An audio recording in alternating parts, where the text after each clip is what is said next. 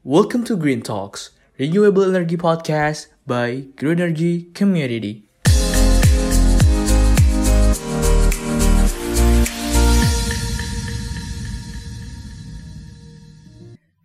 Halo Greeners, selamat pagi, siang, sore, malam semua.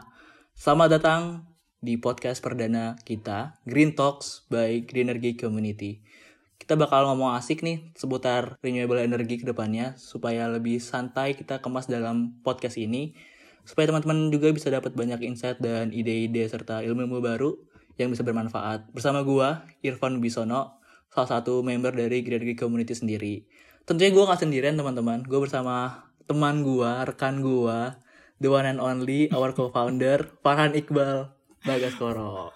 Halo Van, halo teman-teman Greeners. Gua Iqbal ya, bisa dipanggil Iqbal. Gimana Bal? Kabarnya Bal? Baik Bal?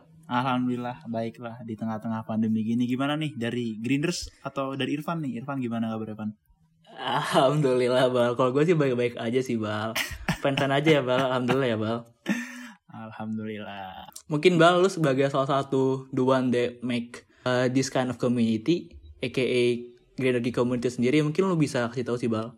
Sebetulnya Green Energy ini terbuat karena apa dan sebetulnya apa sih Bal? Green Energy Community sendiri mungkin teman-teman pada belum terlalu banyak tahu ya Bal. Hmm, oke. Jadi gini teman-teman Greeners, uh, Green Energy Community ini menjadi salah satu komunitas yang bergerak di bidang energi terbarukan. Tapi uh, kita nggak bergerak untuk membuat sebuah solar panel atau membuat sebuah produk energi terbarukan tuh enggak. Kita nggak bikin kayak gitu. Kita karena kita basisnya dari mahasiswa, jadinya kita lebih ke arah ngedukasi, kita lebih cara, lebih ke arah sharing lah. Hmm. Kita sharing is caring ibaratnya prinsip kita itu buat ke antar Asik. mahasiswa ya kan. Antar milenial lah nggak cuma mahasiswa, siswa SMA boleh, an- eh, yang udah baru kerja juga boleh itu nggak ada boundary-nya lah. Kita lingkup kita luas banget sih Indonesia. Dari orang dari Berarti- Sabang sampai Maroke boleh gitu. Berarti emang kita itu nggak ada struktur yang pasti ya Bal ya. Kita semua orang dari apa pun itu backgroundnya bisa masuk dan berbagi ilmu satu sama lain gak sih Bal? Ya, eh, untuk saat ini emang kita ibaratnya lebih ke open community gitu sih. Dari gua yang disiplin Oh, ilmunya oke. dari teknik, terus ada juga teman kita juga kan dari disiplin ilmu sosum juga ada yang join juga kayak gitu. Jadinya Hmm, kita lebih banyak ke ya? open, bener banget multidisiplin ilmu lah buat kita menanggapi dan kita buat sharing ilmu tentang eh, bukan il apa ya energi terbarukan lah persoalan tentang energi terbarukan lebih ke kayak gitu Van. Dan ini salah satu konten kita ya Bal ya, podcast di mana kita sebelum ini juga udah memiliki banyak-banyak kegiatan dan event-event ya Hmm. Bal. Dari Benar webinar, dari lomba-lomba juga dan antusiasnya wah luar biasa nggak sih Bal? Wah, 200 kemarin- orang lebih Bal lombanya. sempet lomba iya bener banget teman-teman gamers eh, aku appreciate banget kenapa eh, lomba itu kemarin sempet sampai 200 orang lebih dan emang eh, respon ke kita itu di luar ekspektasi kita banget kita bisa eh, merangkum dan kita bisa mencoba untuk menampung ide teman-teman di lomba itu dan selain itu mungkin Hmm. kita juga berangkat dari ini sih kita kan eh, targetnya untuk eh, mengedukasi menaikkan awareness lah dari teman-teman Hmm, semua betul. khususnya di bidang milenial kan. Jadi kalau teman-teman udah nge-follow kita sejak awal nih itu kita sempet eh, memproduksi sebuah report lah ibaratnya. Itu tentang eh, energi terbarukan itu apa sih? Energi itu secara general tuh seperti apa sih? Kayak gitu. Terus kita juga sempet eh nerbitin tentang solar energi tentang wind energi yang itu notabene-nya kita eh, nge-share ilmu yang kita dapat juga yang bisa kita share ke teman-teman dengan cara yang eh, agak kaku gitu dengan membaca. Terus di sini gue juga senang banget nih dari Irfan juga punya inisiatif juga buat eh, bantu bikin podcast juga yang ibaratnya di teman-teman gitu bisa dapat ilmu dan kita juga bisa sharing juga nih ke teman-teman dan teman-teman juga bisa sharing ke kita dengan cara yang lebih Betul. santai ya sih Betul. Tapi kalau gue boleh nambahin bahwa soalnya energi ini Mhm. gue sebagai milenial generasi milenial sendiri ya ngomongin energi kan agak berat ya bal jadi mungkin kita balotnya agak lebih relax sedikit salah satunya pakai podcast ini sih bal konten podcast ini semoga teman-teman semua bisa dengerin dengan baik dan kita semua dapat manfaat yang banyak ya bal Ya, betul. Kita prinsipnya terbuka teman-teman nanti kayak tadi kata Irfan ya, kita bisa dapat insight dari teman-teman, teman-teman juga bisa ngasih masukan tentang uh, gimana nih episode pertama ini kan perdana banget kan. Kita juga belajar dari Asik. teman-teman dan teman-teman juga belajar dari kita gitu. Betul. Ngomongin teman-teman Greeners Bal, Hmm. dari lomba yang banyak partisipan yang di luar ekspektasi kita, pastinya kan banyak banget dari eh, mahasiswa ya Bal ya, dari generasi milenial. Hmm. Sebetulnya Bal, generasi milenial sendiri itu apa sih Bal kaitannya dengan renewable energy? Maksud gua kayak kenapa sih generasi milenial dan dan kenapa mereka yang dipilih gitu Bang? Hmm, menarik, menarik. Ini kan salah satu ini ya, salah satu judul dari episode pertama kita ini kan ya, yang fokus ke Betul, betul. eh, milenial kan ya. Jadi ini salah satu yang menarik ya teman-teman. Kita coba untuk eh eh, empower teman-teman kalau misalnya sebenarnya kita nih generasi milenial yang nggak cuma mahasiswa sebenarnya yang seumuran kita ini untuk tahu kalau kita tuh sebenarnya punya power yang besar yang kita tuh Hmm. kadang kurang sadarin gitu. Di situ ada gap di mana teman-teman itu belum tahu tentang powernya teman-teman sendiri kalau kita ngejalannya bareng-bareng kita punya semangat bareng-bareng kayak gitu kayak ibaratnya contohnya ini deh kayak dari perkataan Soekarno salah satu proklamator Indonesia kan kayak dia bilang kalau dia diberi seorang pemuda dia akan guncang dunia. Nah itu menurut Asik. gua ya gak sih? Menurut gua tuh bukan hal yang sepele loh. Itu dari tahun berapa? Dari tahun 1900-an dari salah satu orang terhebat di Indonesia itu bilang kayak gitu. Makanya generasi muda ada politik Indonesia dari dulu ada generasi mudanya. Nah di situ yang Hmm. menurut gua kenapa sih kita nggak giring itu ke bidang yang Energi ya. ibaratnya ya yang kehidupan sehari-hari kita gitu Van Soalnya kalau gua boleh nambahin dikit Bal, emang the power of millennial di Indonesia sendiri tuh sangat amat gede Bal. Di mana kayak lu bisa lihat Bal kayak dari dari mungkin dari ranah entertainmentnya kayak youtubers-youtubers kayak Atta Halilintar jadi salah satu youtuber terbanyak di Asia belasan juta. Mungkin itu Keren dari banget. dari dari segi entertainment ya Bal, dari entertaining lah. Ha-ha. Tapi belum ada influencer-influencer yang benar-benar bisa apa ya naikin power of millennial di bagian awareness terhadap energi itu bal. Soalnya kalau misalkan secara logika nih bal kita udah milenial sendiri dan basicnya gua malu kan kita ambil engineering major ya bal di kampus kita. Jadi kita sering banget nih ngitung-ngitung pakai rumus-rumus pastinya pakai kalkulator dong. Dari hal kecil di kalkulator tersebut kalau misalkan lu perhatiin bal ada komponen kecil bal panel surya bal dalam kalkulator di mana itu tuh kalau kita telaah dan kita interest dengan hal itu kalkulator itu bisa nyala tanpa adanya energi dari baterai. Dan itu energi cuma dari sinar cahaya. Kalau misalkan hal kecil tersebut aja bisa kita uh, telaah dan gali lagi kalau kita interest aja bal pasti di masa depan dari hal kecil tersebut bisa jadi skala besar bal. Kayak misalkan bikin listrik untuk rumah dari energi terbarukan. Dan wah pasti bakal luar biasa banget sih bal the power of millennial ini Hmm, betul banget. Gue tadi sangat-sangat ini ya, apa namanya, amazed banget sama tentang eh, kalau misalnya dari di sekitaran kita nih, lingkungan kita itu sebenarnya ada hal kecil yang bisa ngubah sebuah hal Hmm, besar gitu. iya betul ya betul. nggak sih? Tadi soal kalkulator dan sebagainya. Karena iya banget itu hal kecil itu menyasar teman-teman yang bisa eh, membawa itu ke arah yang lebih skala yang lebih besar lah ibaratnya gitu. Contohnya yaitu kita generasi milenial ini yang punya power kayak gitu. Buat teman-teman juga nih generasi milenial yang sekarang melek tentang eh, teknologi, melek tentang eh, tokoh-tokoh besar di dunia. Contohnya kayak Jack Ma ya. Di sini gue sempat denger Jack Ma itu saat ini dengan otak yang sangat brilian itu pernah bilang kalau misalnya dia itu lebih suka dan dia itu sekarang sangat-sangat menginvestkan uangnya dia atau hartanya dia itu ke anak muda. Jadi dia ngasih lahan nih ke anak muda, ngasih tempat wadah ke anak muda buat berkreasi, berinovasi dengan modal yang dia kasih. Karena dia tahu kalau anak muda itu punya semangat, daya juang tinggi kayak gitu gitulah. Ibaratnya alasan-alasan apa eh, utama lah dari anak muda yang punya. Nah, di situ yang gua ngeliat kok kenapa itu nggak kita giring ke arah energi gitu ya nggak sih Van?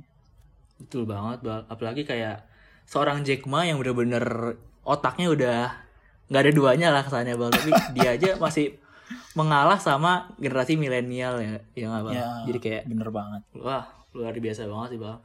Tapi ngomong-ngomong tentang generasi milenial sangat amat punya power lebih nih bang.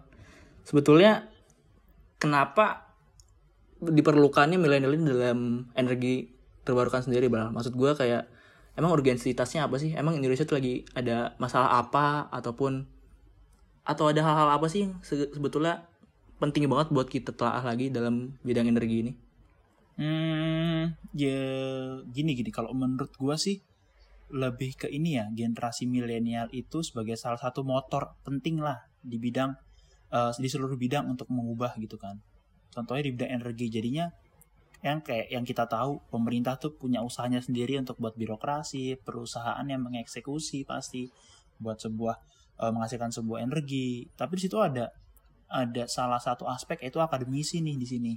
Dan itu nggak cuma Hmm. dari dosen-dosen kita yang pakar-pakar kita, tapi juga ada dari mahasiswanya atau siswanya gitu yang ibaratnya kita menyerap ilmu dari dosen kita dan kita coba implementasikan. Dan sebenarnya usaha yang kita lakukan itu nggak harus bikin jurnal, kita nggak harus eh, bikin mengabdi ke masyarakat secara langsung dan sebagainya. Kita tuh punya banyak banget cara gitu untuk mengubah betul eh, persepsi lah atau apa pun itu gitu. Di bidang energi khususnya. mengubah habit lah ya berarti ya, ya mengubah habit. habit. Kayak gitu. lebih dari peduli. milenial itu kita punya power yang tadi. Kayak gitu. Oh Iya, iya ini Van gue mau cerita juga. Gue sempet oh boleh nih, boleh. Apaan tuh?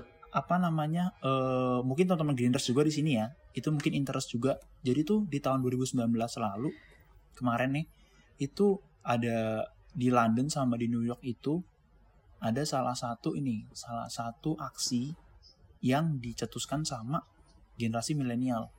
Itu gue amazed banget. Oh Itu oke. tentang ini ya tentang isu lingkungan yang mungkin juga berdampak pastinya berdampak ke energi juga kan. Gitu. Jadi oh. mereka ini mereka ini eh, turun ke jalanan. Kalau di London ya itu gue baca berita kalau dia itu kurang lebih seribuan orang mahasiswa.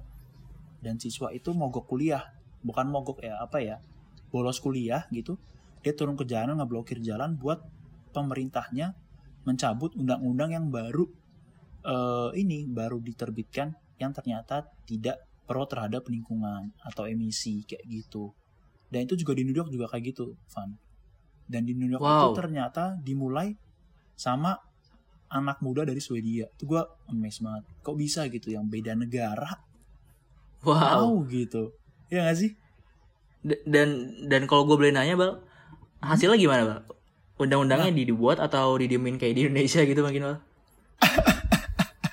kalau yang di London ini eh sepemahaman gua ya itu ternyata undang-undangnya itu ditangguhkan gitu entah divakumkan atau misalnya eh, ibaratnya tidak dilakukan dulu lah.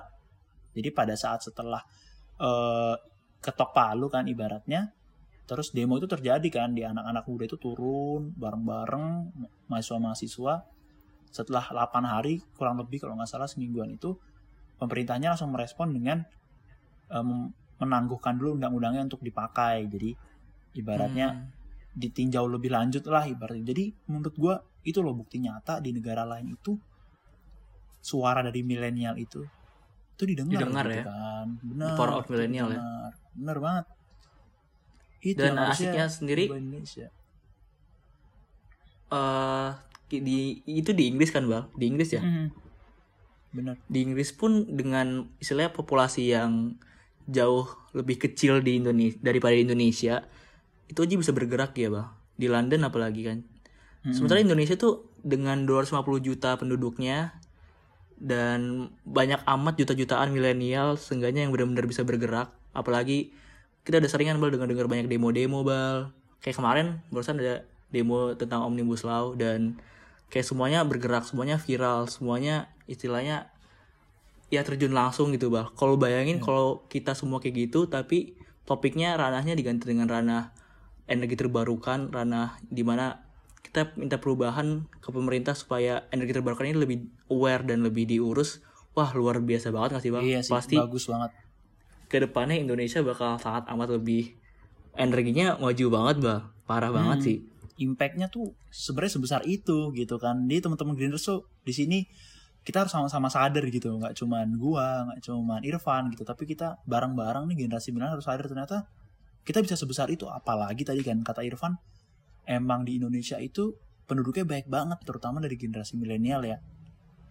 Kayak gitu. Betul, betul. terus gue ada info nih Irfan. Menarik juga Eh, mungkin teman-teman Greeners atau lu juga nih mungkin eh, belum tahu. Jadi gue kemarin sempet baru Apaan tuh? banget nonton berita nih. Ternyata ada salah satu eh, pembangkit listrik tenaga panas bumi eh, atau biasanya yang kita kenal biasanya geothermal kan. Itu Hmm. namanya Sarula PLTP Sarula. Itu dia itu salah satu eh, pembangkit listrik tenaga panas bumi terbesar di dunia. Kaget nggak lu? Ternyata di Indonesia ada kayak gitu. Dia apa apa? Iya gue juga kaget banget lah. Kok bisa ya? kenapa Bah- gue bahkan gue sekarang? Iya iya. Bahkan gue sebagai istilahnya satu orang yang interest sama field energi ini di ranah ini gue aja baru tahu sekarang bal. Apalagi teman-teman semua yang seenggaknya mungkin kurang peduli dan kurang aware ya bal. Padahal potensinya gede banget. Dan menurut gue nggak salah banget sih kalau mulai dari sekarang dari gerakan kita kita seenggaknya memberikan istilahnya wadah dan penginfoan. Kayak lu bilang tadi bang dari podcast ini. Mungkin banyak teman-teman yang mulai sadar dan mulai wah gila ternyata negara gua keren banget juga ya. Keren tapi ya kenapa gua baru dia. diem doang nih gitu gak sih? Iya bener banget. Jadi gue tuh kagetnya lagi itu ternyata proyek itu udah jalan dimulai sorry udah baru dimulai itu tahun 93 lah gue bingung udah Waduh. lama banget gue kagak tahu gitu kan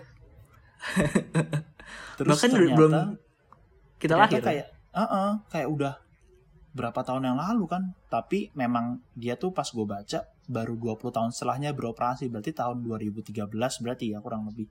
Tapi kalau lihat gapnya Oh, dari tahun 2013 sampai kita sekarang nih gue baru tahu tahun ini asumsinya ya ya kan. Tujuh tahun gitu ada gap di mana salah satu apa namanya section masyarakat yaitu generasi milenial tuh dikit banget yang tahu tentang Sarula ini Wah. PLTP Sarula ini.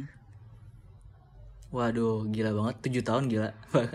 Kayak apa ya di luar negeri itu seenggaknya bahkan di Inggris tuh juga gue denger mereka tuh energi terbarukannya udah lebih dipakai daripada di daripada sektor batu bara bal daripada sektor Hmm, fosil. jadi kayak itu tujuh tahun kalau misalkan kita benar-benar aware pasti wah luar biasa banget gak sih Indonesia? Berubah soalnya gue pernah denger juga bal Indonesia itu Heeh.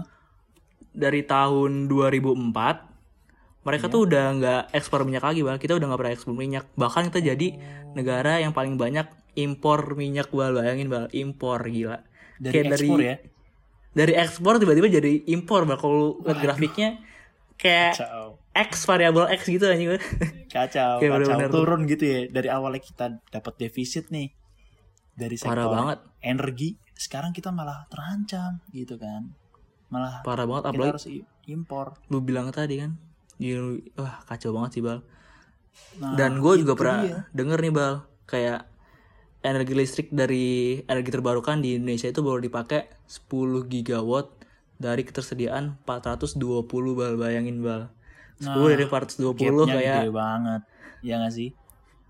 410 nya kayak Iya. kita dimin aja kayak wah kacau banget sih.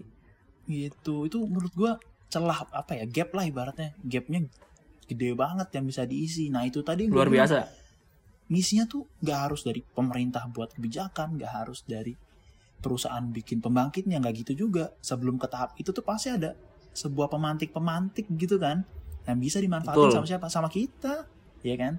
Generasi milenial yang ibaratnya kita bisa ngasih sebuah eh entah nggak harus riset ya kita bisa ngasih sebuah eh teknologi atau kita bisa ngasih sebuah ide masukan saran sesimpel apa pun lah.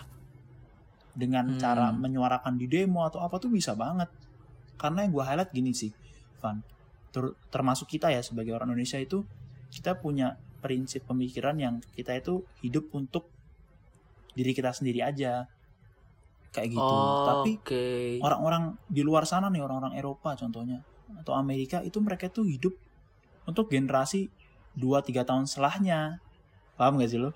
oke jadi ada kepedulian lah ya awareness lah berarti ya Iya buat ke depannya lah buat in the future lah gitu kan Oke, soalnya gue juga pernah sih Bal denger ternyata di Indonesia Hmm. ini bakal ada krisis energi tahun 2050.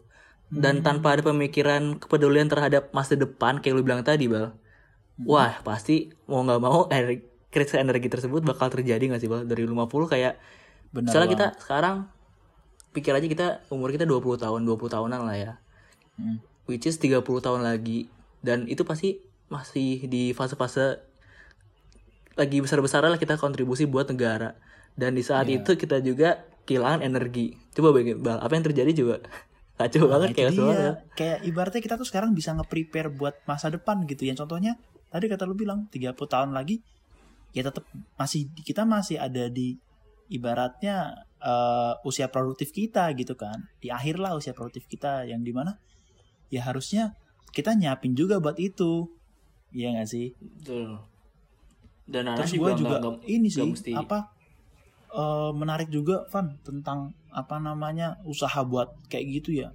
Contohnya tuh salah satu retail makanan eh, fast food terbesar di dunia itu gue lupa kalau nggak salah itu di Australia itu dia itu bikin salah satu cabangnya itu full pakai renewable energy.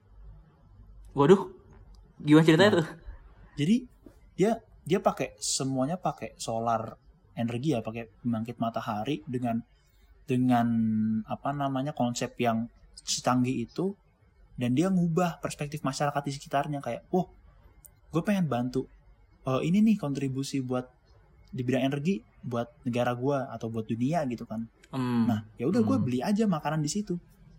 Karena dia menghasilkan listriknya dari mana? Dari renewable energy.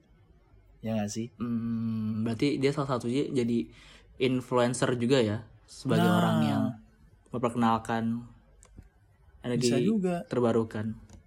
Mm-mm. Tapi bal ngomong-ngomong influencer, gue lumayan appreciate sih sama beberapa influencer kayak kayak misalkan lu lihat youtubers youtubers yang udah mulai memperkenalkan dan mulai membeli mobil pintar, aka kayak Hmm. Tesla. Mereka mereka walaupun mereka niatnya entertain tapi kayak uh, sedikit demi sedikit, in other words mereka udah mulai apa ya memperkenalkan kalau misalkan energi ini penting loh ke depannya kayak buat orang-orang yang istilahnya udah mulai peduli dan mulai uh, membahas energi tersebut bisa kedorong lah ya. Walaupun tujuannya nggak langsung straight to the point ngomongin energi cuman mereka tuh cara mereka menyampaikan mereka beli Tesla lah itu gue menurut gue udah mulai asik sih. Ya, bener banget. Metode inilah, metode metode. eh raise awareness-nya masyarakat itu sebenarnya nggak harus sekaku betul eh, pemerintah, ya nggak sih? Nggak harus nggak harus nih Betul. pemerintah ngeproduksi apa namanya undang-undang tentang energi terus masyarakat teredukasi nggak gitu. Itu paling edukasi siapa orang-orang yang udah melek yang setiap hari baca Iya. koran, tiap hari nonton berita, pasti gitu kan. Coba generasi milenial yang biasanya scrolling IG. Itu kan mereka lihatnya apa influencer yang kata tadi lo bilang. Itu bisa tuh kayak mereka. Jadi tadi kata yang kita bisa kita udah omongin tadi gap analisisnya itu karena emang banyak segmentasi apa namanya milenial di sekarang. Jadi untuk ngedukasi orang pun banyak banget caranya. Bahkan dari TikTok loh son. Van.